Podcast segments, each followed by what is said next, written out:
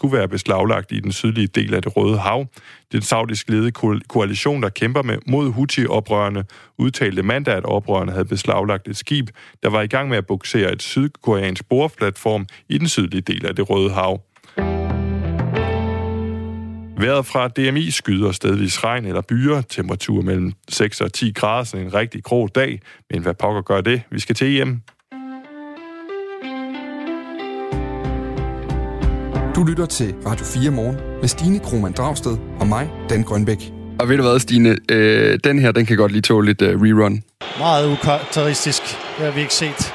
Ikke noget. Åh, oh, der er frispark. Der er ikke noget frispark. Det er slut. Og dermed er Danmark ved EM. Åh. Oh. Så du den da? Nej, det gjorde jeg ikke. Generelt er jeg øh, glad. Jeg er endda rigtig glad for mit arbejde. Men øh, altså, det er spændende, og jeg har gode kolleger og alt det der værk der.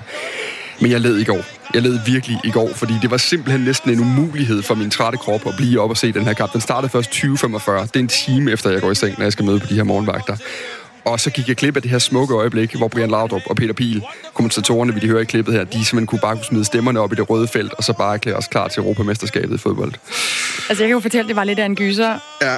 Jeg, hvis jeg lyder lidt træt i dag... så den? Ja, jeg så det sidste 18, og det var faktisk der, der, der, det var en gyser. Fordi man troede ligesom, den var hjemme, da Danmark scorede 1-0, og så øh, kom irerne igen. Mm. Øh, men øh, det, øh, det var godt nok med ja. uafgjort, og vi er videre. Vi skal ikke bruge mere. Det er alt, alt og det er lidt ligesom det der med eksamenskarakter. Alt over to, det er ligegyldigt, ikke? Man er kommet igennem nu.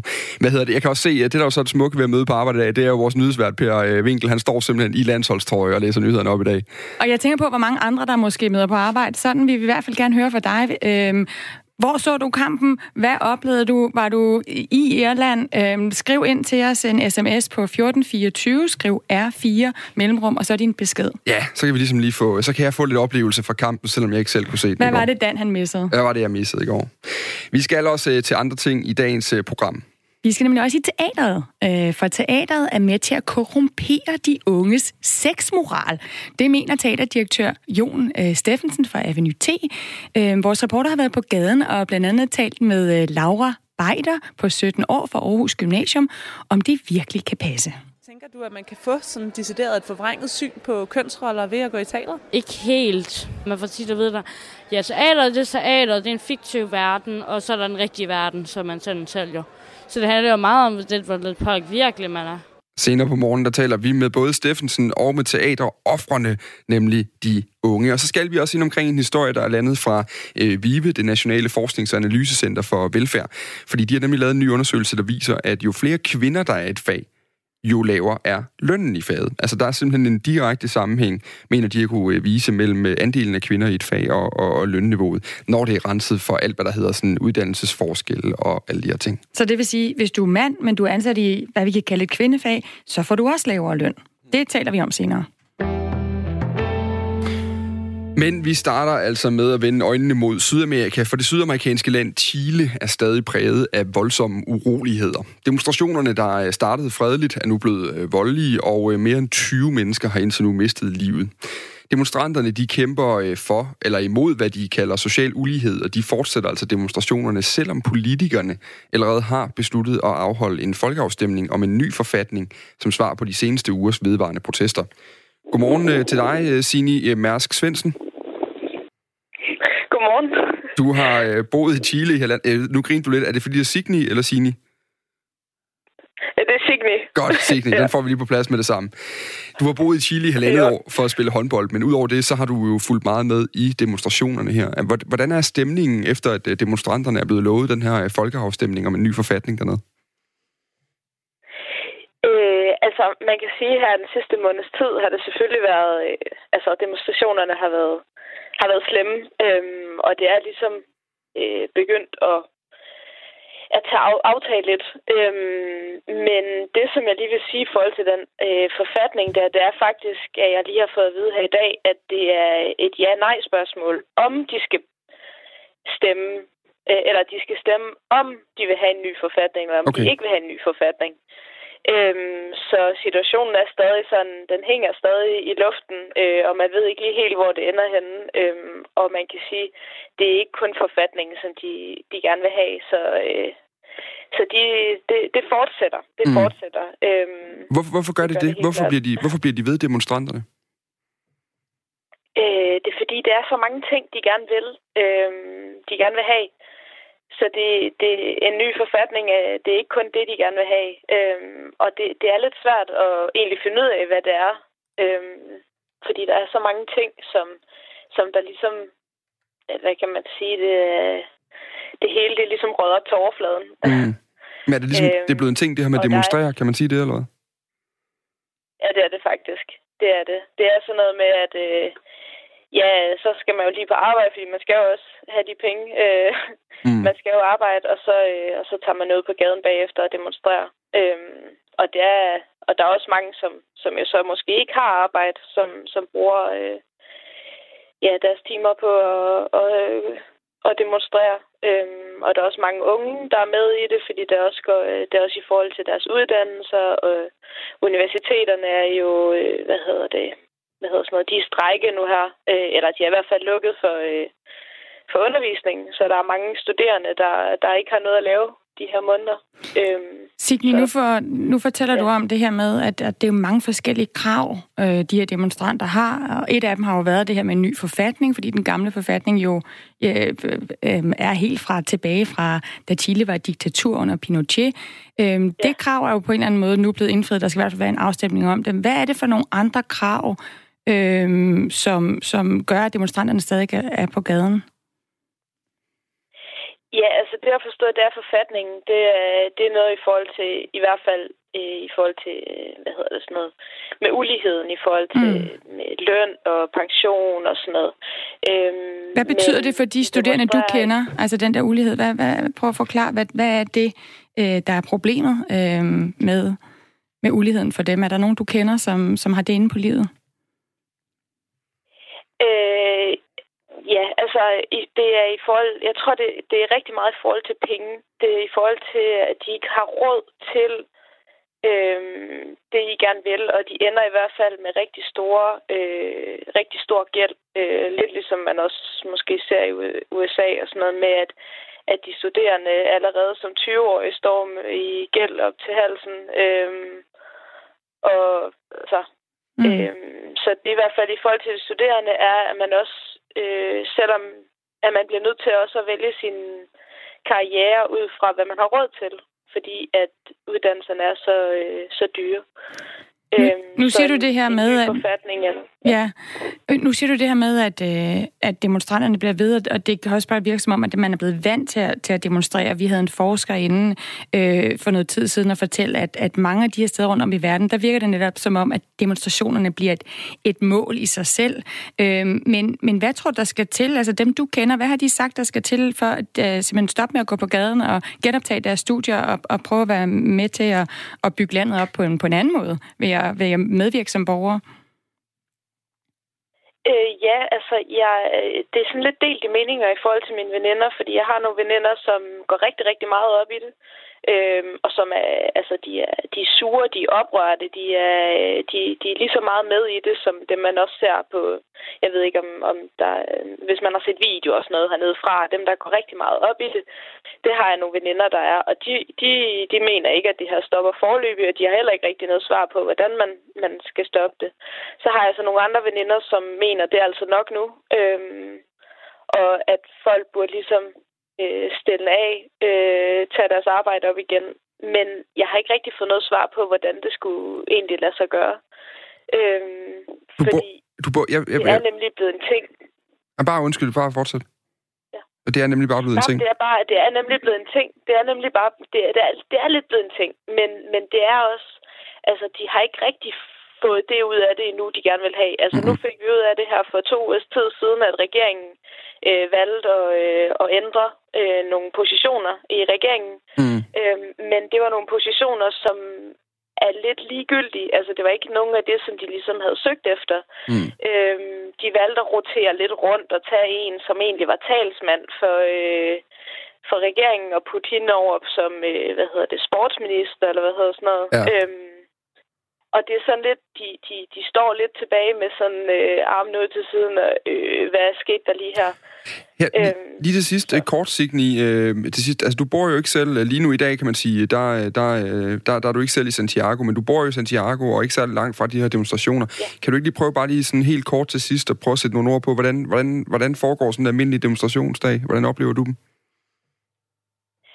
Altså det, jeg oplever, det er, at øh, en, en dag, hvor de i hvert fald, for eksempel her i morgen faktisk, øh, onsdag, det må være i morgen, ja, der, øh, der er der national strække, og der mm. begynder de ret tidligt. Øhm, øh, og det er sådan noget med, at de, de går, øh, folk går ned mod, øh, hvad hedder det, der, der, det foregår forskellige steder, men i hvert fald den største af dem, det er nede på Plaza Italia, mm.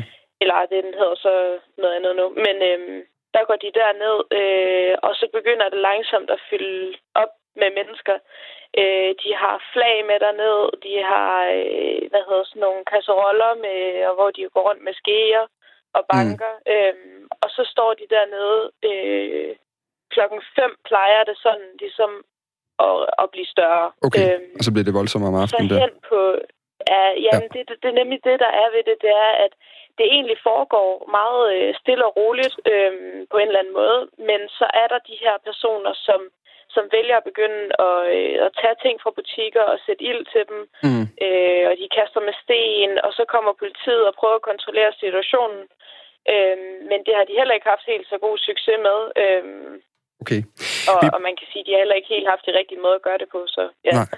Vi, vi, øh, vi øh, glæder os til i hvert fald at høre mere dernede fra, men der kommer til helt sikkert at, at udvikle sig yderligere. Tak fordi du kunne være med her, Signe Mærsk Svendsen. Jamen, øh, selv tak. Tak fordi I ville høre. Og folkeafstemningen om den nye forfatning, den skal finde sted i april øh, 2020. Vi kan lige sige, at Chiles præsident har faktisk, vi hørte jo lige Signe her snakke om, at politiet måske ikke har grebet det ordentligt an. Chiles præsident har været ude og sagt, at politiets brug af vold under de seneste uges voldsomme uroligheder er ikke okay, at det er misbrug begået af politiet. Og så øh, smutter vi til Grækenland fra Chile, fordi i går omkom en ni måneder gammel øh, baby i en flygtningelejr, der hedder Moria på den græske ø Lesbos. Den her ø blev kendt, da flygtningekrisen i 15 og 16 ligesom var på sit højeste.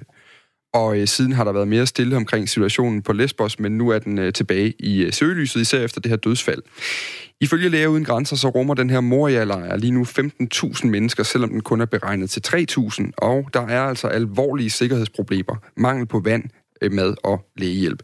Krigsfotograf og vært på Radio 4's krigsmagasin i Orkanens Øje, Jan Graup, han har besøgt lejren. Han kalder det rystende forhold. Jeg synes, det er en kaotisk flygtningelejr. Nu har jeg set rigtig mange flygtningelejre rundt omkring i verden. Men jeg må sige, at den her måde, som, som vi har efterladt de her mennesker på, og vi snakker altså mere end 12-13.000 mennesker, det er helt vildt. Øh, og det er helt vildt, at vi ikke har været i stand til øh, at hjælpe med at gøre den her lejr øh, bedre og, være, og mere øh, øh, udholdelig for de her mennesker, som jo ikke på nogen som helst måde har, øh, øh, har nogen muligheder for at forlade øen, at komme videre til fastlandet øh, eller få deres øh, sager behandlet øh, af domstolene, så de kan finde ud af, om de får asyl eller ej. Det er, øh, Jeg må sige, jeg synes, det er, øh, det er sgu nogle rystende forhold. Øh, og det, det, det er allerede begyndt at blive koldt dernede. Børnene løber rundt i shorts og i, i små klipklapper. Øh, møgbeskidte. Jan Graup har talt med den 37-årige Salem Alid, der har stiftet organisationen Team Humanity og hjælper flygtninge i lejren. Den sikkerhed, der er i lejren, er jo øh, det er helt tydeligt, at den er fraværende. Øh, forleden dag, da, da vi mødtes igen, øh, så viste du mig nogle billeder af en, en nat, hvor der har været uro i lejren, hvor øh, kvinderne kom løbende herned for at være i sikkerhed. Hvad var det, der skete der? Jamen, øh, som du selv siger, der er ikke nogen sikkerhed. Slet ingenting. Når der, når der er slåskammer ind, så går der lige en time før politiet kommer. Og så begynder de bare at skyde med torgas. Der er børn, der er babyer. Så får de torgas i deres øh, system, og så lige pludselig så kan de ikke trække vejret. Det, der skete den dag, det var, at øh, jeg valgte faktisk den dag åbne, efter tre ugers lukketid, åbne øh, og give den nogle donationer af 400 euro fra Barcelona. Noget slik. Og det valgte jeg så at give den. Klokken tre, da jeg åbner, går der lige en anden time, kvart i fem, så er der et kæmpe brand indenfor. Og der havde jeg omkring 1.600 kvinder og børn i min center. Se, jeg løb derop, og jeg så en kvinde ude af ruden. Prøvede at komme ud, faktisk. Hun, hun øh, begyndte at, at vinke med hånden. Jeg ved ikke, hvor hun prøvede på at vinke, eller prøvede at komme ud af, hvad hun gjorde. Men der var i hvert fald et menneske. Og jeg øh, prøvede at løbe op. Det gjorde jeg så. Men så begyndte min krop at brænde. Min krop begyndte at smelte, kan man sige. Jeg som du siger, mærker ja. på min arm og det hele. Og øh, jeg kunne bare ikke nå til hende. Jeg prøvede virkelig. Vi kunne bare ikke. Og det, der skete, hun brændte levende foran os. Øh, der går en halv time før brandvæsenet kommer. Der går et kvarter, 20 minutter, til de tænder vandet. Så der er åbenbart ikke noget evaku- evakueringssystem herovre. Øhm, undskyld, jeg ikke, min stemme den er helt væk, og Jamen, det, vi har haft en hård dag i dag, men det har været rigtig hårdt den dag. Her er alle kvinder og børn herinde. Børnene sad herinde og, og, ventede på deres mor. De valgte bare at løbe hertil, så de kunne være i, i, i sikkerhed. Så når møderne kom, så fandt de deres børn her i vores center. Ja, jeg så også, at der, var, at der var jo hundredvis, der sov inde i de to øh, haller, du har. Ja, vi havde den der dag evakueret 4.000 mennesker rundt omkring vores center, og ind i vores center. Og efter klokken to på natten der, der havde vi over 600. Vi havde over 600 sovende her. Situationen hernede, den bliver jo kun værre. Jeg, jeg er på vej, når du skal til Holland, øh, og jeg skal på, jeg er på vej op til Skala, fordi der er formentlig også landings i nat. Og det var jo den måde, vi mødtes på i sin tid. Og, og du har jo taget i, ja, i tusindvis af mennesker ind, hvis det kan gøre det. Vi havde faktisk en sammen. Øh, og, og netop fordi du, du så fik de her anklager omkring menneskesmugling, fordi du var på vej ud for at hente nogle både, der var i havsnød. Hvad er altså, situationen i Moria nu er forfærdelig. Det er helt tydeligt. Det, det, man skal være blind for ikke at se det. Men, men hvad er det, ud over øh, den organisation, som, som du jo ligesom har lavet, som jo gør en kolossal indsats, og som det er jo tydeligt at se, at du arbejder fra morgen til, til, til sen nat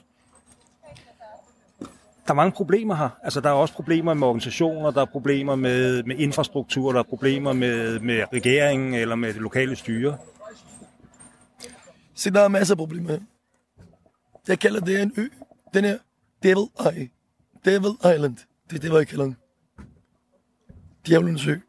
Fordi det, der foregår derinde, ikke, det er jo for sindssygt. Det er som om, der er, der, der er så meget korruption, at, at de er fuldstændig ligeglade med de her mennesker. Dyr bliver ikke engang behandlet så meget, så så dårligt, som de gør Som de her mennesker gør her. Det, der sker, det er, at øh, som du selv siger, i 2015, der tog vi en båd sammen, og ja, vi tog tusinder mennesker i sikkerhed. Vi fik tusinder, tusinder mennesker i sikkerhed dengang. Og øh,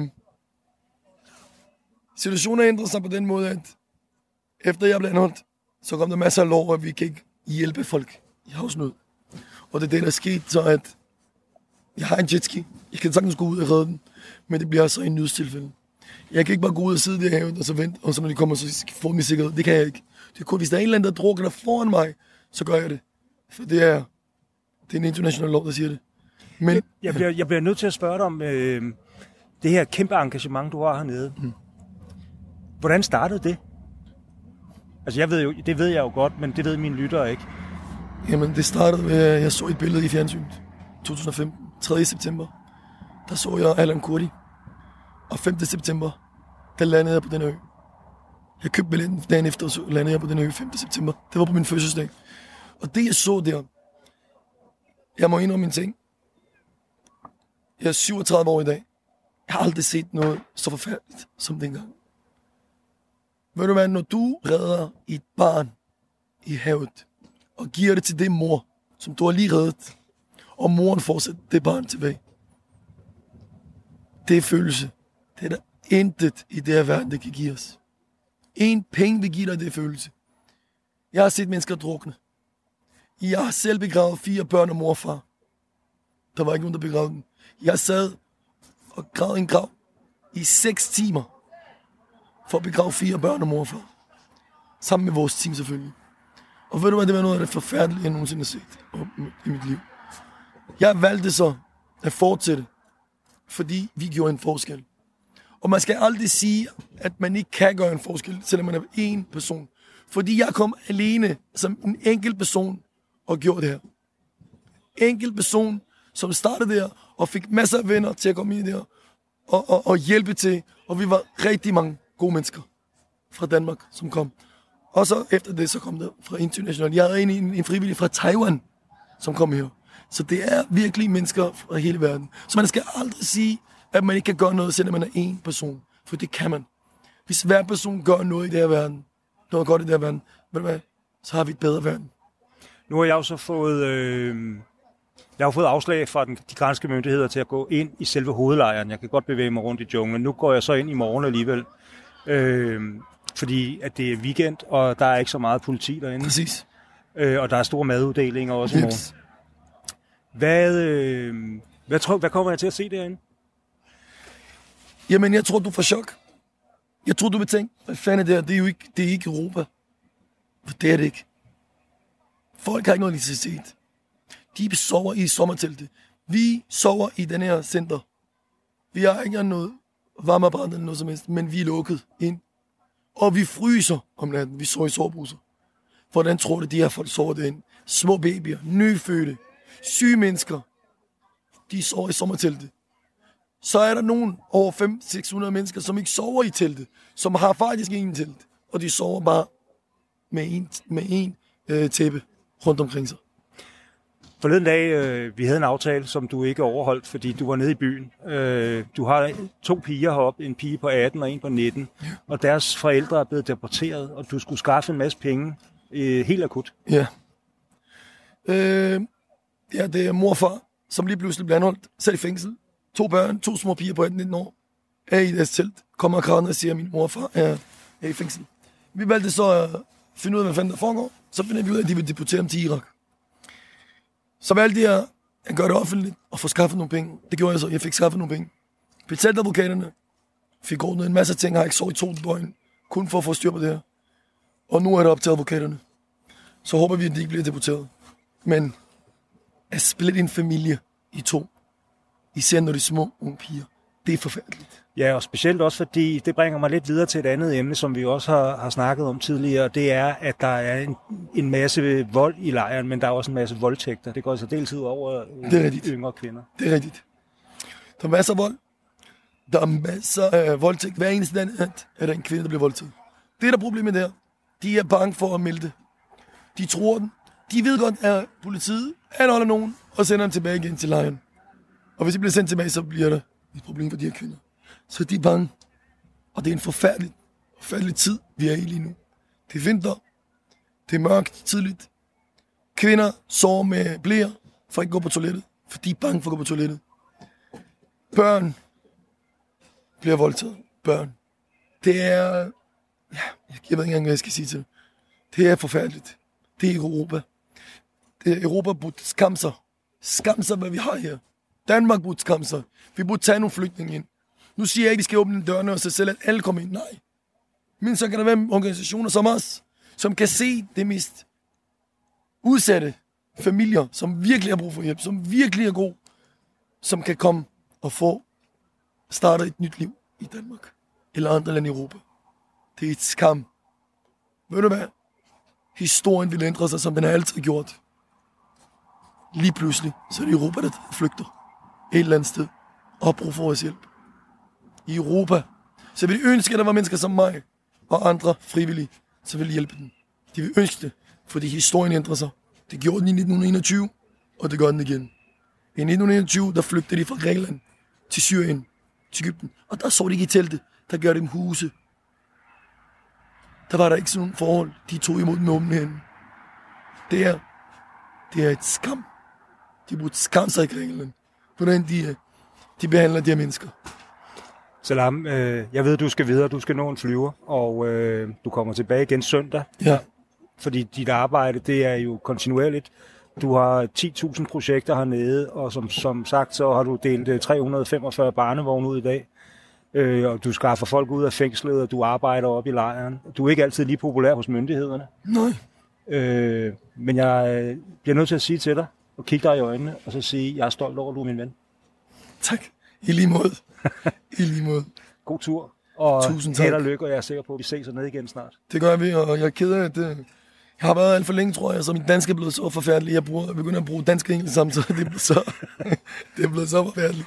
Men tusind tak for, at I kom, og jeg håber, at øh, folk i Danmark vil kunne indse, at øh, vi alle mennesker. Og hvis vi gør vores lille part, om det er en tæppe, de sender, eller om det er en 5 kroner, de sender, så gør vi noget øh, for menneskeheden. Så jeg håber, at folk åbner deres øjne. Det håber jeg også. Tak for det. Mange tak for at komme. Mange tak. Det var krigsfotograf Jan Grarup, der har talt med Salam Alet, Alit, øh, stifter af organisationen Team øh, Humanity, om forholdene for flygtningen i den her lejr Moria på den græske ø Lesbos. Og du kan høre mere om de kritiske forhold i den overfyldte migrantlejr i programmet Orkanens Øje, der kan hentes på podcast her på Radio 4. Så vil vi øh, til en lidt lykkeligere note meget gerne høre om dine oplevelser i forbindelse med landskampen i går, hvor vi altså kvalificerede os til Europamesterskabet. Hvis du, øh, hvor sad du henne? Hvordan så du den? Øh, øh var du med på stadion i Irland, så vil vi ekstra gerne høre fra dig. SMS'en hedder 14241424. Du skal starter sms'en med at skrive R4, altså, altså dine erfaringer. Nu skal vi over til øh, nyhedsverden i dag. Per Koldstrup Winkel, som i dagens anledning er iklædt en øh, Danmark-trøje. Nu er der nyheder, klokken er halv syv.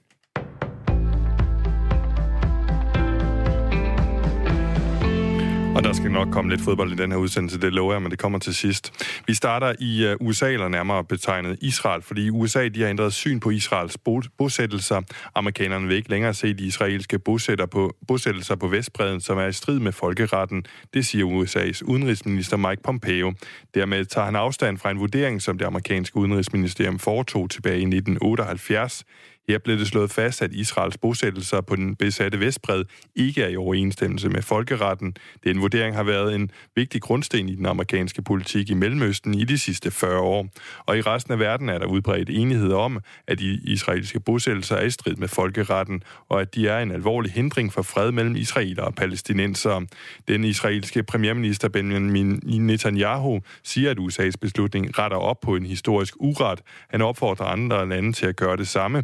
Derimod siger en talsmand for lederen af det palæstinensiske selvstyre, Mahmoud Abbas, at USA's skifte er et totalt i strid mod folkeretten. Under præsident Donald Trump har USA foretaget et par markante kursskifter i, til Israels fordel. Det førte til store protester fra palæstinensisk side, da Trump besluttede at flytte den amerikanske ambassade fra Tel Aviv til Jerusalem, hvorved han de facto anerkendte Jerusalem som Israels hovedstad. I marts anerkendte Trump Israels annektering af Golanhøjderne, hvilket var endnu en sejr for Netanyahu. Mandagens meddelelse fra Pompeo kan udløse nye demonstrationer og uroligheder. Umiddelbart efter Pompeos pressekonference udsendte den amerikanske ambassade i Israel en advarsel mod at rejse til Jerusalem, Vestbreden og Gaza. En eksplosion i en kulmine i det nordlige Kina har kostet 15 personer livet, det skriver det statslige nyhedsbureau Xinhua tirsdag. Ni andre personer kom til skade i ulykken, der skete mandag i Shaanxi-provinsen. Deres tilstand er ifølge mediet stabil.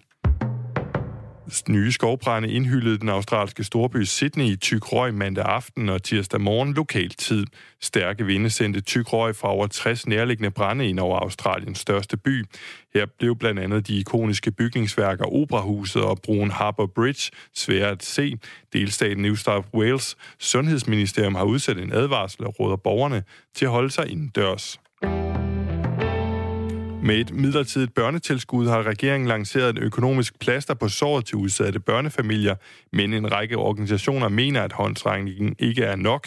I bund og grund bør det omfatte flere udsatte, lyder det fra Red Barnets generalsekretær Johan Schmidt Nielsen. Bare et år i fattigdom i barndommen kan få konsekvenser ja, langt ind i voksenlivet. Og når det er sagt, så er det altså sådan, at det her lovforslag langt fra løfter alle børn i fattigdom i Danmark ud af fattigdommen. I september indgik regeringen sammen med de radikale enhedslisten og SF en aftale om et midlertidigt børnetilskud til familier, der modtager integrationsydelser eller ramt af kontanthjælpsloftet. Cirka 28.000 børn ventes sig få gavn af tilskud, der er rettet mod børn i alderen 0-14 år. Tilskuddet til børnefamilierne er et skattefrit beløb, der svinger mellem 500 og 700 kroner per barn. Derudover får enlige forsørger et ekstra tilskud på 650 kroner om måneden. Godt, men ikke godt nok, lyder det fra Red Barnet. Det er jo sådan, når man er barn til man fylder 18 år, og man er altså også barn, øh, når man er 16 år, når man er 17 år. Så det er klart, vi mener, at det her forslag skal omfatte alle børn, og vi har altså tilsluttet os i Danmark øh, FN's øh, børnekonvention, som jo slår fast, at man er barn, til man fylder 18 år. En del af den politiske kritik går på, at de 250 millioner kroner, som lovforslaget koster om året, ifølge flere partier i Blå Blok primært vil gå til arbejdsløse indvandrere. Og således kom vi frem til en vejrudsigt fra DMI skydevis, skyder stedvis regn eller byer med temperatur mellem 6 og 10 grader, lidt til frisk vind mellem syd og vest.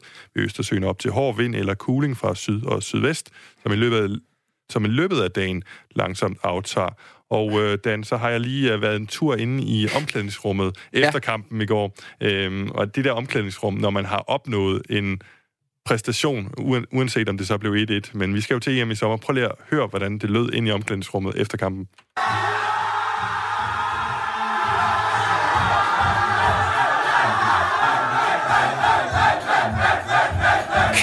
Sådan lød det helt sikkert ikke hjemme med mig, det der skete lige på det tidspunkt der. Der var, der var mere snork, men der var råb.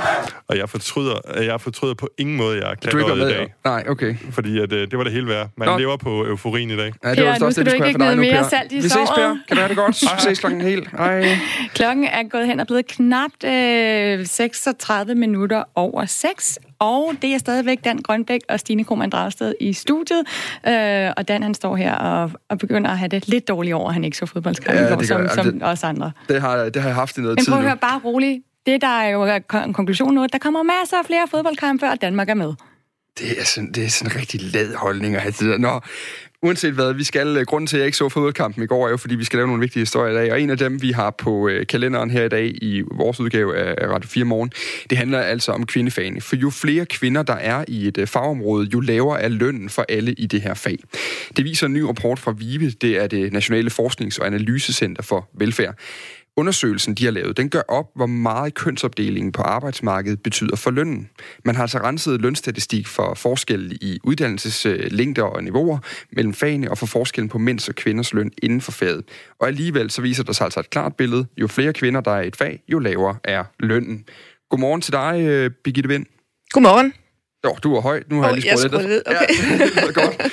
Du er ligestillingsordfører for Socialdemokratiet, og øh, jeg kunne egentlig godt tænke mig bare at starte helt op med, er, er det et problem, det her? Ja. I, I det hele taget? Ja, det er det jo, og det er desværre ikke ny viden. Øh, den her rapport øh, viser så tallene på en på ny og anderledes måde, og jeg vil da sige, at jeg er, er rigtig glad for rapporten. Selvom at øh, resultatet er trist, så øh, er det her jo øh, noget, vi ikke kan sidde overhøre i. Øh, så ja, det er en rapport, der giver stof til eftertanker, som vi bliver nødt til at, at kigge på alle sammen. Nu, nu siger du jo selv, at det er jo ikke ny viden, og, det, og vi kan selvfølgelig ikke sidde det overhøre men det har I jo så gjort i lang tid nu. Hvad, hvad, hvorfor, hvorfor er vi stadig der? Det er der jo mange grunde til. Nu skal jeg skynde mig at sige, at jeg har ikke læst hele rapporten Nej. grundigt. Jeg fik den i hånden sent i går aftes. Øh, men, men vi ved jo, at man for mange år siden, faktisk helt tilbage i 69, øh, lavede en, en reform på arbejdsmarkedet, der hvor udgangspunktet var skævt imellem fagene. Mm. Og det er jo det udgangspunkt, øh, man har alle regeringer siden da, øh, og, og, og fagforeninger og arbejdsgiver siden da har, har, har arbejdet ud fra. Og, og det, det, man kan sige, den grundlæggende ulighed er der, er der jo aldrig rettet op på.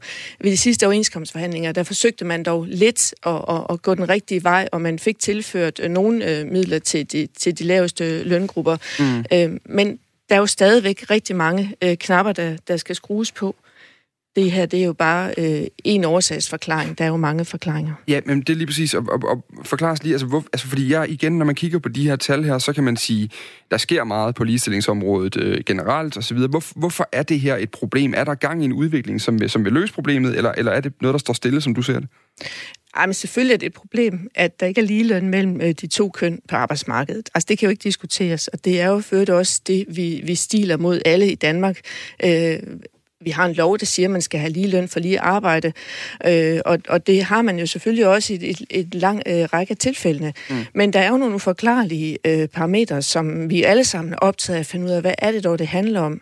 Øh, jeg tror selvfølgelig, ligger der jo meget kultur i den måde, vi, vi er på på arbejdsmarkedet. Jeg tænker da, at øh, nogle kvinder kan blive bedre til at forhandle løn, men, men det er jo ikke det, det handler om. Altså, vi bliver nødt til at have stift, mm. blikket stift rettet på, at de faggrupper, som måske har de vigtigste jobs hjemme, det at tager sig af de mindste børn og passe øh, de syge og de ældre og de svage, jamen det er faktisk også de mennesker, som vi giver den laveste løn. Og det er der en, jeg tror, at det her det bliver en mangeårig mm. opgave øh, for alle, både politisk, men også for arbejdsmarkedets parter, at have blikket stift rettet på, at det her det er simpelthen en opgave, vi skal have løst. Så det handler om at få smidt manchetknapperne, få smadret ærmerne op, og så hvordan, hvordan, gør man det? Ja, hvordan gør man det? Hvordan smider man øh, som politiker manchetknapperne? Fordi Jamen, nu har vi jo altså haft det her problem, som du selv siger, altså vi har haft ligelønslov i over mm. 40 år, øh, og vi har haft en, en, en fagbevægelse som, og en arbejdsmarkedsforhandling, som i hvert fald ikke har gjort nok, når mm. det her problem stadigvæk er der, og som du siger, så bevæger vi os ikke, altså så be, det ser ikke ud som om, at problemet lige bliver løst.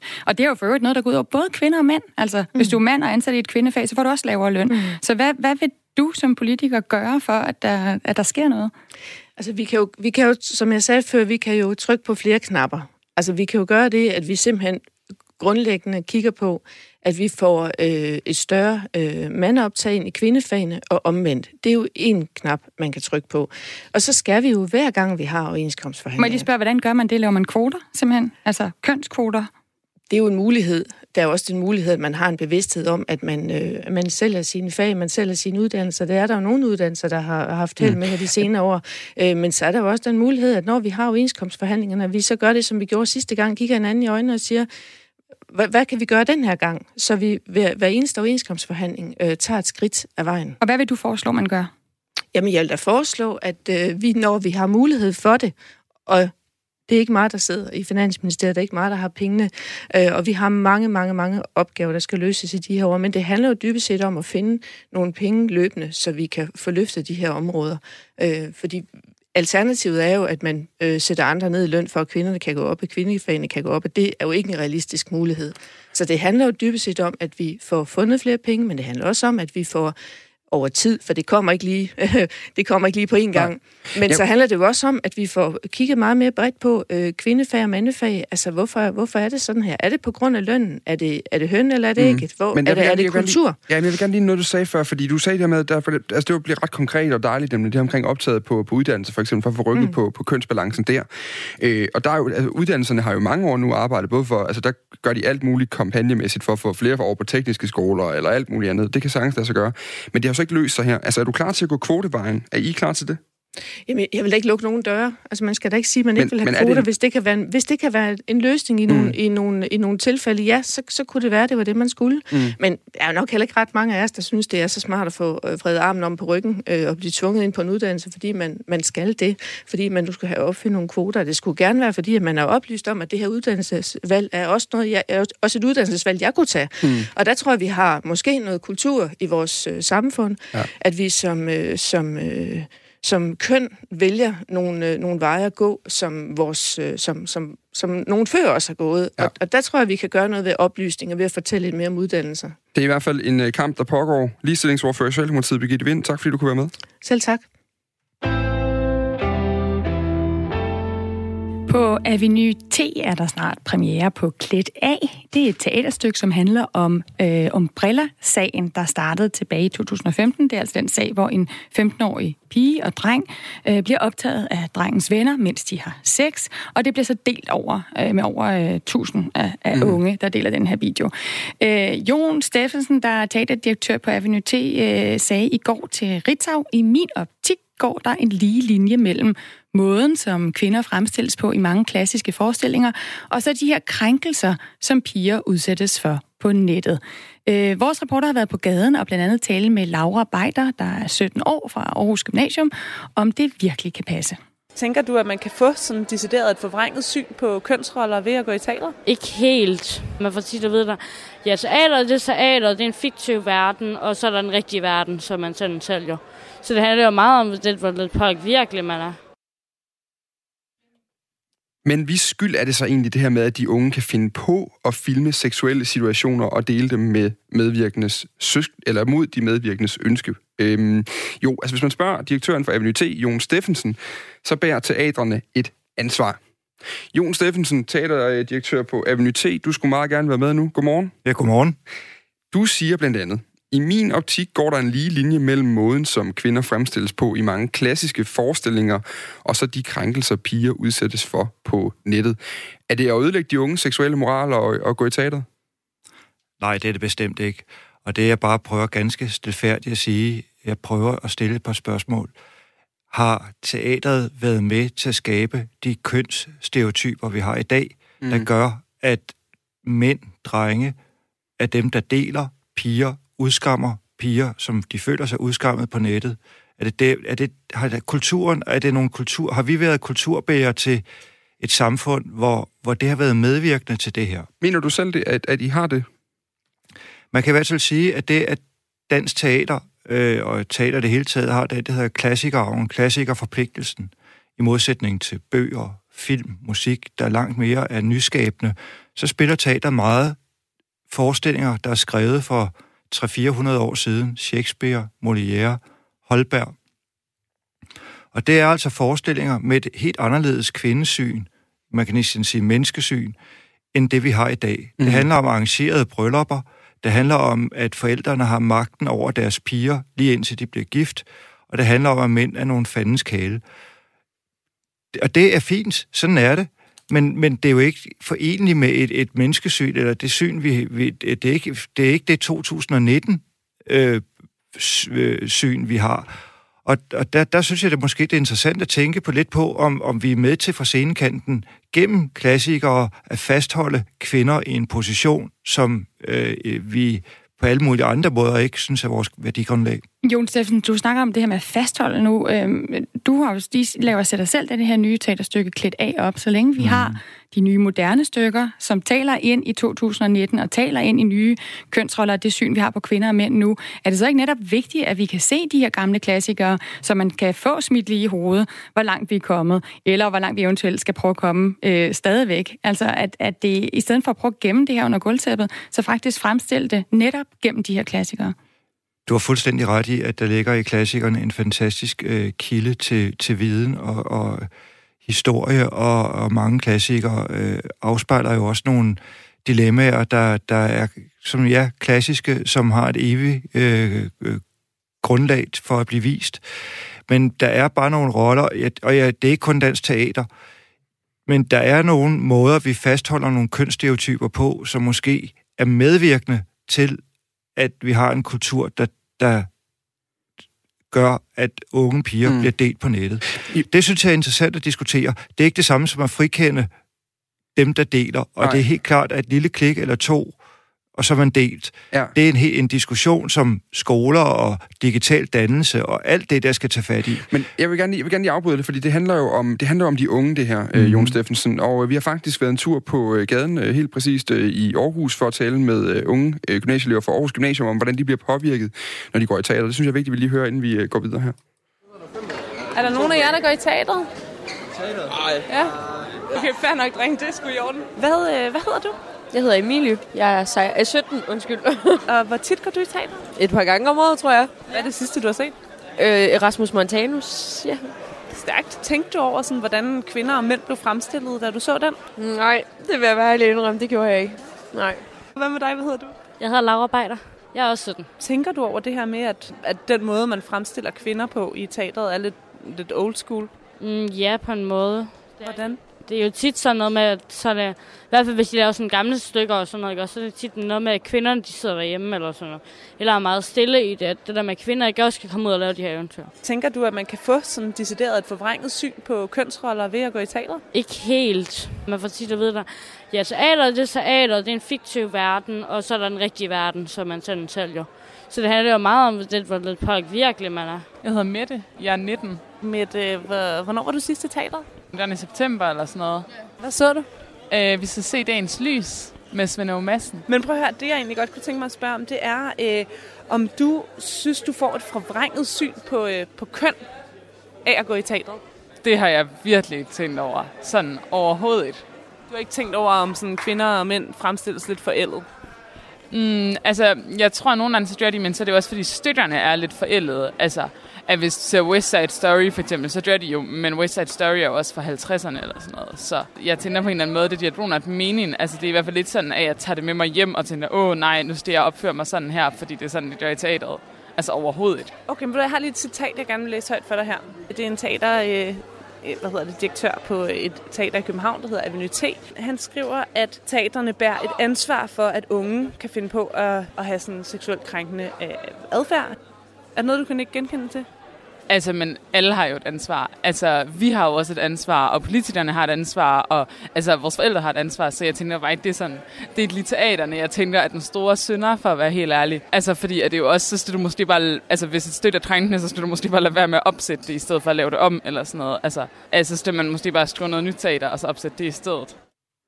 Ja, altså alle har et ansvar, lyder det her fra, fra en af gymnasieeleverne, som også siger, jeg tager ikke det her med mig hjem. Det lyder som om, at, at hun og mange af de andre meget godt kan skille det her ad med, hvad de ser på teateret, og hvordan de opfører sig. Jamen, alle har et ansvar, og den måde, I stillede det op på der, det var, synes jeg heller ikke var, jeg vil ikke kalde det fair, men det var jo ikke at komme ind til sagens kerne.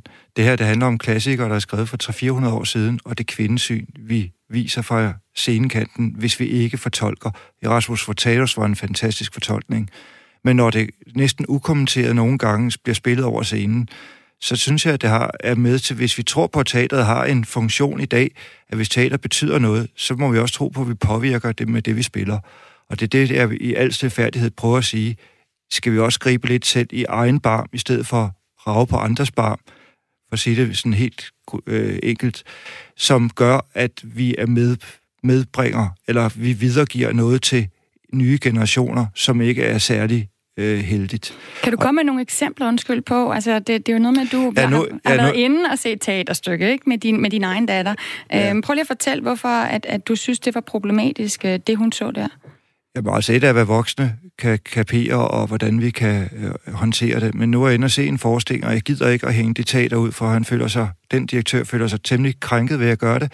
Mm. Men lad os bare sige, at det var en forestilling, der henvender sig til børn mellem 8 og 12 år.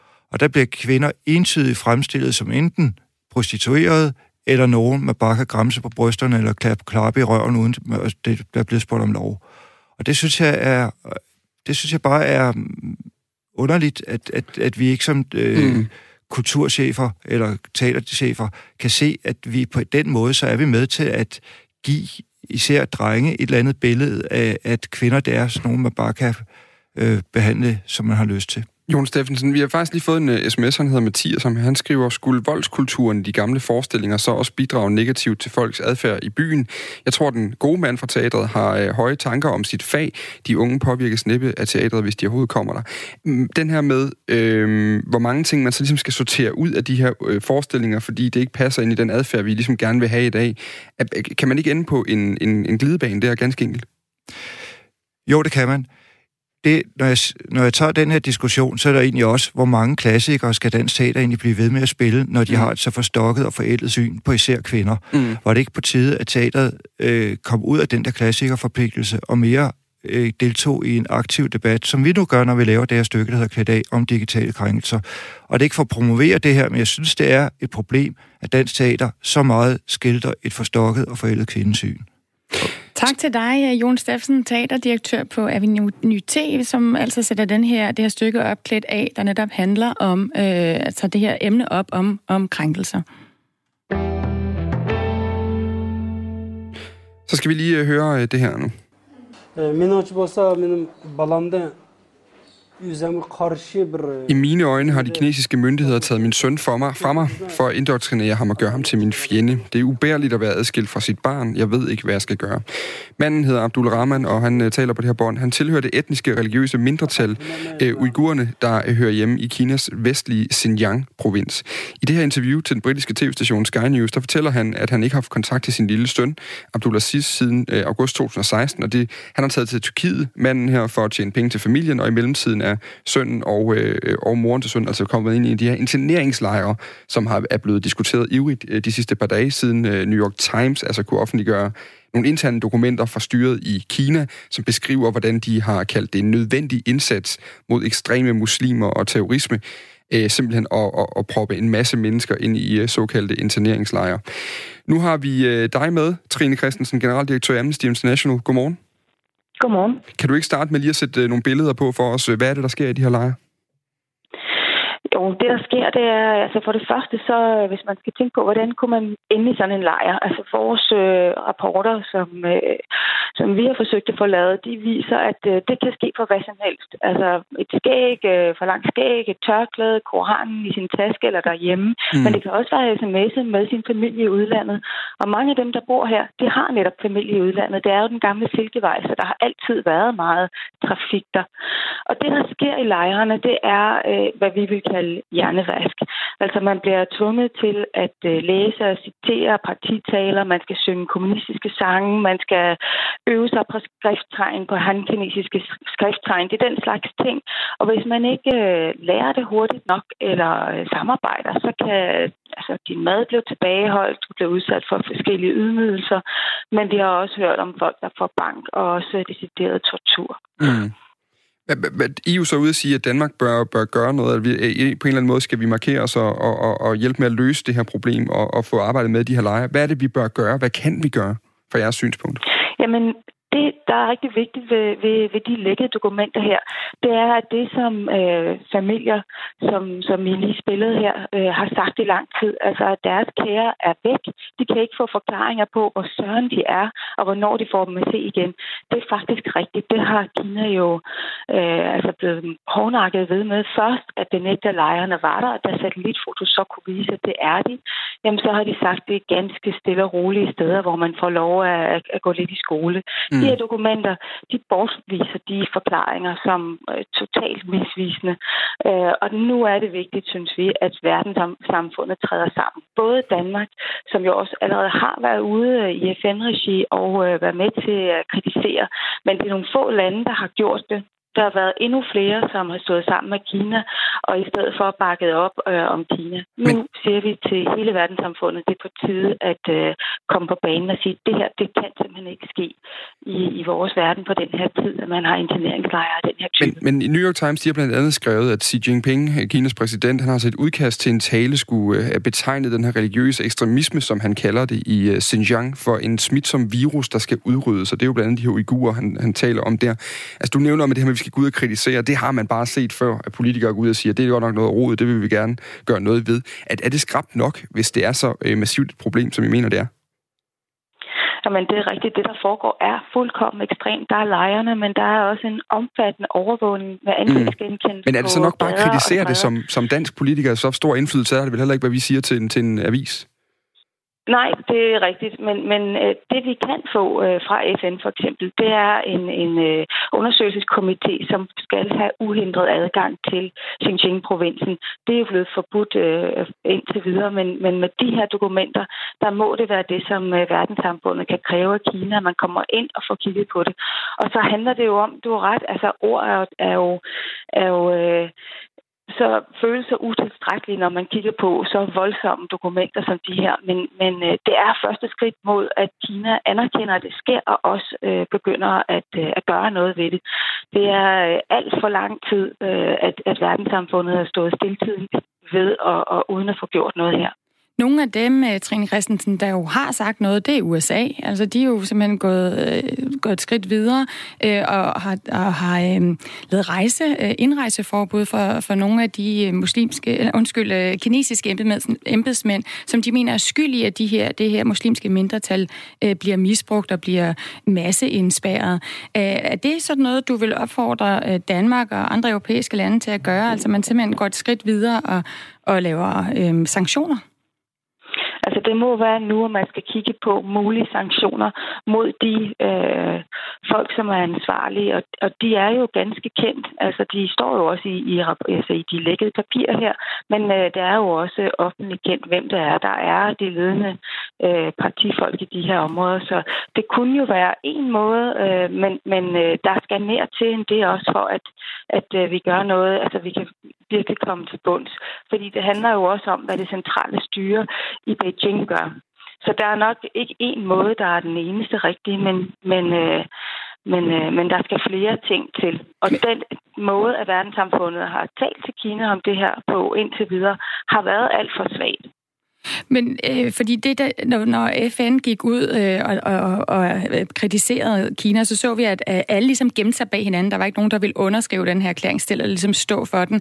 Er det noget af det, som du vil opfordre Danmark øh, til at gøre, altså, simpelthen at øh, træde frem selv og sige, øh, nu er det nok, og, og vi behøver ikke være en gruppe, når vi gør det her. Vi kan også gå frem som et land og sige, sætte foden ned og sige, det her, det, det er simpelthen ikke okay. Vi vil opfordre Danmark til at tage det op i Menneskerettighedsrådet, hvor vi jo har en stemme i FN. Det er jo et helt oplagt sted, og det er fuldstændig rigtigt. Det er altid svært at være det land, der træder op øh, mod Kina, fordi at... Øh, at der er så stor en økonomisk magt også. Mm. Men, men øh, for os at se, så er det stille diplomati, øh, det er langt udspillet sin rolle, når det kommer til Xinjiang-provinsen. Nu handler det om at være klar i spyttet og sige, at det her det er uacceptabelt. Så lød det altså fra Trine Christensen, der er øh, general, øh, nu skal jeg se, generaldirektør i Amnesty øh, Danmark. Tak fordi du kunne være med her, Trine.